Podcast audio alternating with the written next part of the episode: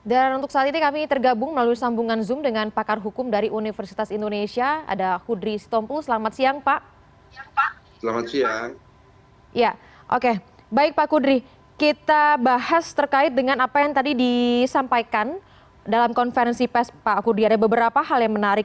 Yang paling pertama yang mungkin di bagian akhir dikatakan oleh Pak Kun tadi ya sebagai dir penyidikan Jampitsus mengatakan bahwa kasus ini kasus uh, bukan kasus pidana biasa karena dananya 10 triliun rupiah kemudian kerugiannya mencapai 8,32 triliun rupiah. Apa yang bisa Anda lihat dari kasus ini, Pak Hudri? Ya, pasti perkara ini bukan perkara biasa, ini perkara korupsi.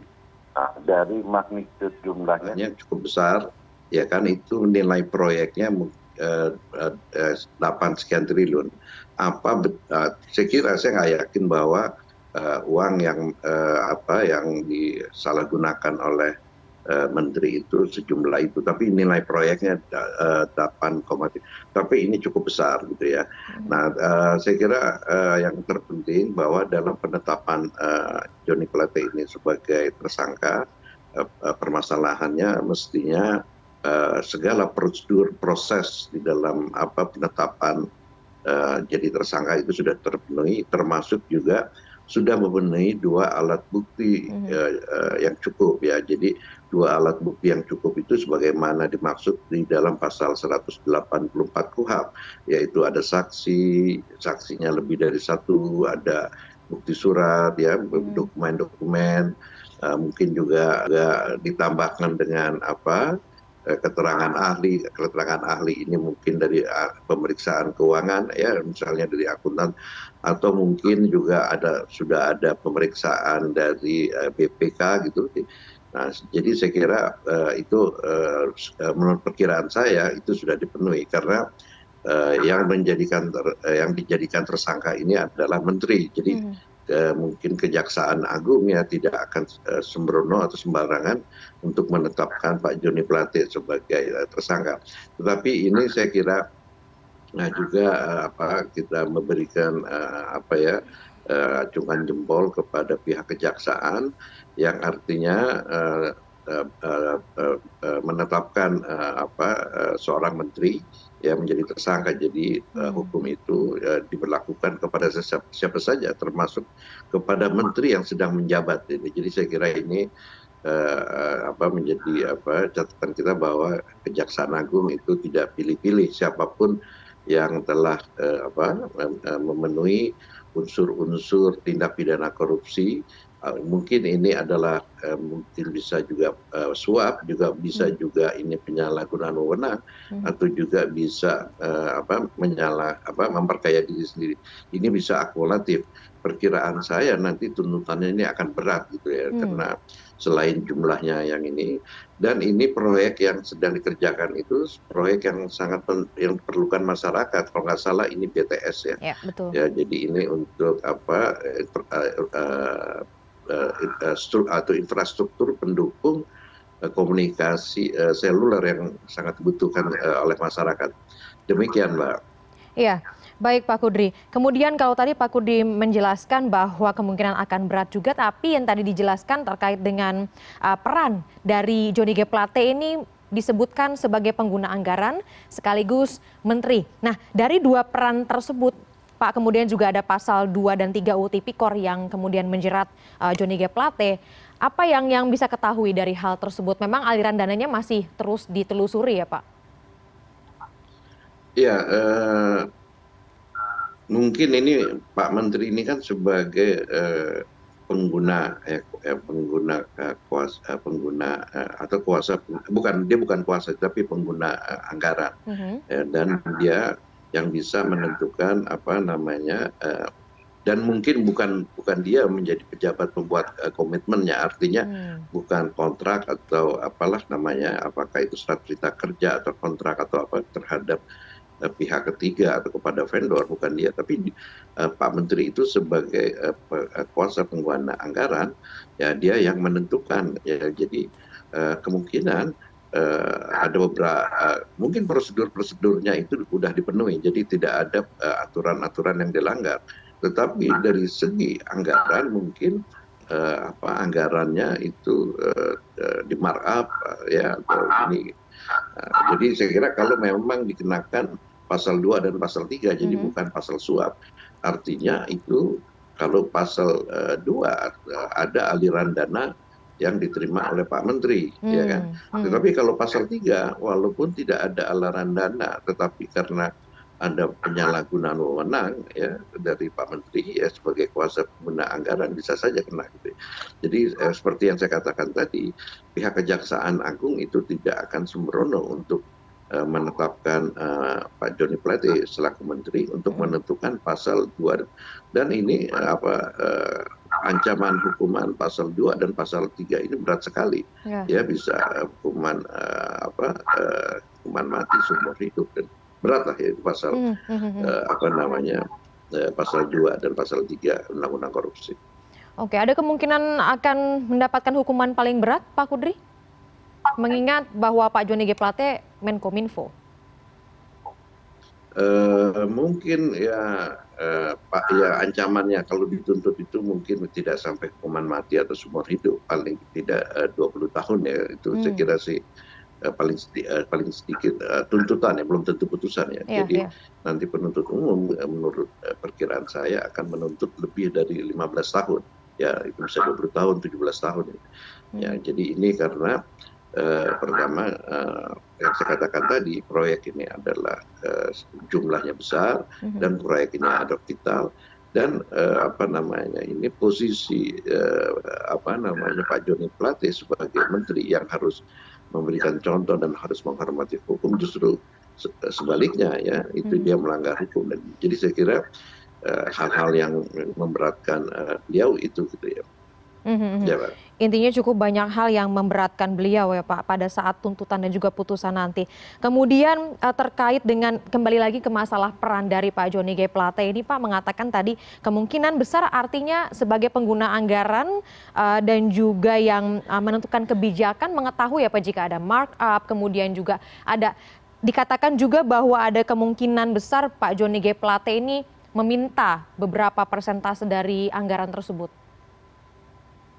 Iya, eh, saya kira eh, untuk membuktikan itu eh, tidak mudah ya. Mm-hmm. Eh, tidak akan mungkin ada apa namanya eh, surat atau dokumen yang meminta seperti itu.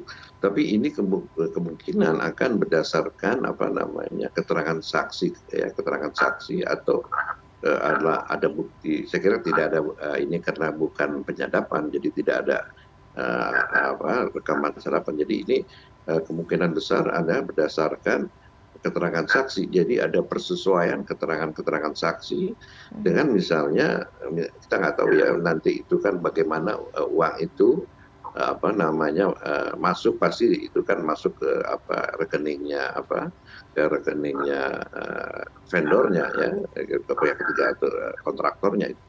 Nah dari situ nanti kan bisa ditelusuri dari saksi-saksi ya dan biasanya ada catatan-catatan biasanya ya dari catatan dari catatan uh, keuangan perusahaan uh, vendornya itu dia hmm. akan mencatat sekian untuk siapa sekian untuk siapa dan ini jadi saya kira uh, uh, untuk membuktikan bahwa ada uh, penyalahgunaan wewenang atau juga mengenai aliran dana itu uh, didukung oleh keterangan saksi dan uh, dokumen saya kira itu ya jadi tidak dokumen berarti surat dokumen resmi tapi bisa berupa catatan-catatan keuangan atau hmm. pembukuan dari perusahaan itu nah jadi apa perannya Pak Joni Plate tentu bukan uh, Pak Joni itu kan bukan uh, panitia uh, pelelangan. Hmm. dan Pak Joni itu bukan pejabat pembuat komitmen, hmm. tetapi dia selaku kuasa pengguna anggaran dan sebagai menteri ya kan karena apa namanya baik pejabat pembuat komitmen maupun apa namanya panitia pelelangan itu adalah bawahannya dari Pak Menteri jadi Pak Menteri itu dia mungkin tidak langsung menyatakan bahwa harus uh, A, B, C dan memenangkan perusahaan uh, A, B, C itu, tapi tetapi dengan bahasa tubuh, dengan bahasa-bahasa yang uh, tidak langsung itu hmm. menunjukkan bahwa men, uh, akan apa namanya uh, menunjukkan uh, untuk menentukan kepada uh, suatu uh, perusahaan atau suatu vendor. Jadi itu saya kira berdasarkan jadi apa peran dari Pak Joni Plate itu didukung oleh bukti saksi atau bukti dokumen. Jadi hmm. ada persesuaian antara keterangan saksi saksi yang satu dengan lain, ada persesuaian dengan keterangan saksi dengan dokumen. Hmm. Uh, demikian, Mbak. Oke, baik. Uh, nampaknya akan ini artinya kemungkinan besar guliran hukum ini akan sangat panjang dan lama, kah Pak Hudri? Karena kita mengingat sudah ada lima tersangka sebelumnya dan masih ada enam yang saat ini pun masih diperiksa di Kejagung. Akan seluas apa guliran hukum ini dan siapa-siapa saja yang nantinya bisa kemudian akan diperiksa kembali oleh Kejagung? Iya, ya, tadi saya dengar dari uh, berita itu bahwa uh, hmm. bersamaan dengan uh, Pak Joni Plate itu didengar keterangan saksi-saksi lain dari keterangan dari pejabat-pejabat di hmm. lingkungan Kominfo. Nah itu saya kira uh, perkara yang lain itu okay. uh, bisa berkasnya dipisahkan. Tetapi berapa uh, apakah ini perkara ini akan uh, lama uh, untuk dilimpahkan?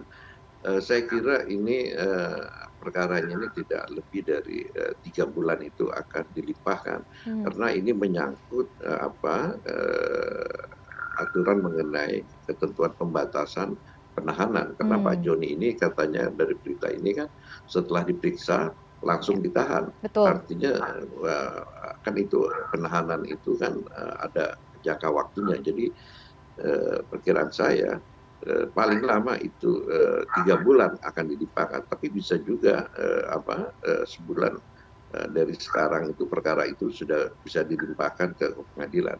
Hmm. Nah, jadi kan ini sebelum Pak Joni ini ditetapkan sebagai tersangka, tentu kan ke, pihak penyidik kejaksaan itu telah melakukan pemberkasan, ya artinya memberkas mendengar keterangan saksi-saksi, mengumpulkan dokumen dan alat bukti yang lain, hmm. udah itu sudah cukup tinggal dirapikan saya kira nah itu uh, dan ya men, menunggu ya. dari uh, satu dua saksi yang ter, apa yang uh, terkait dengan berkas perkaranya Pak Joni -hmm. jadi apa untuk apa jangka waktu penahanan itu Baik pihak kejaksaan itu kan tentu sudah memperhitungkan uh, dengan uh, persiapan administrasi yang diperlukan hmm. dengan uh, jangka waktu yang terbatas itu. Jadi itu kan ada ya. batasnya ini.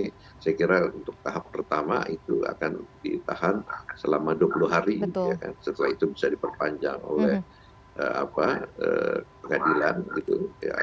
Atau ini karena ini kan Eh, masih sifatnya uh, apa uh, penyidikan artinya itu penyidik. Ya. Nah, itu bisa uh, kalau 20 tahun itu eh 20 hari itu sudah habis itu bisa dimintakan ke penuntutan.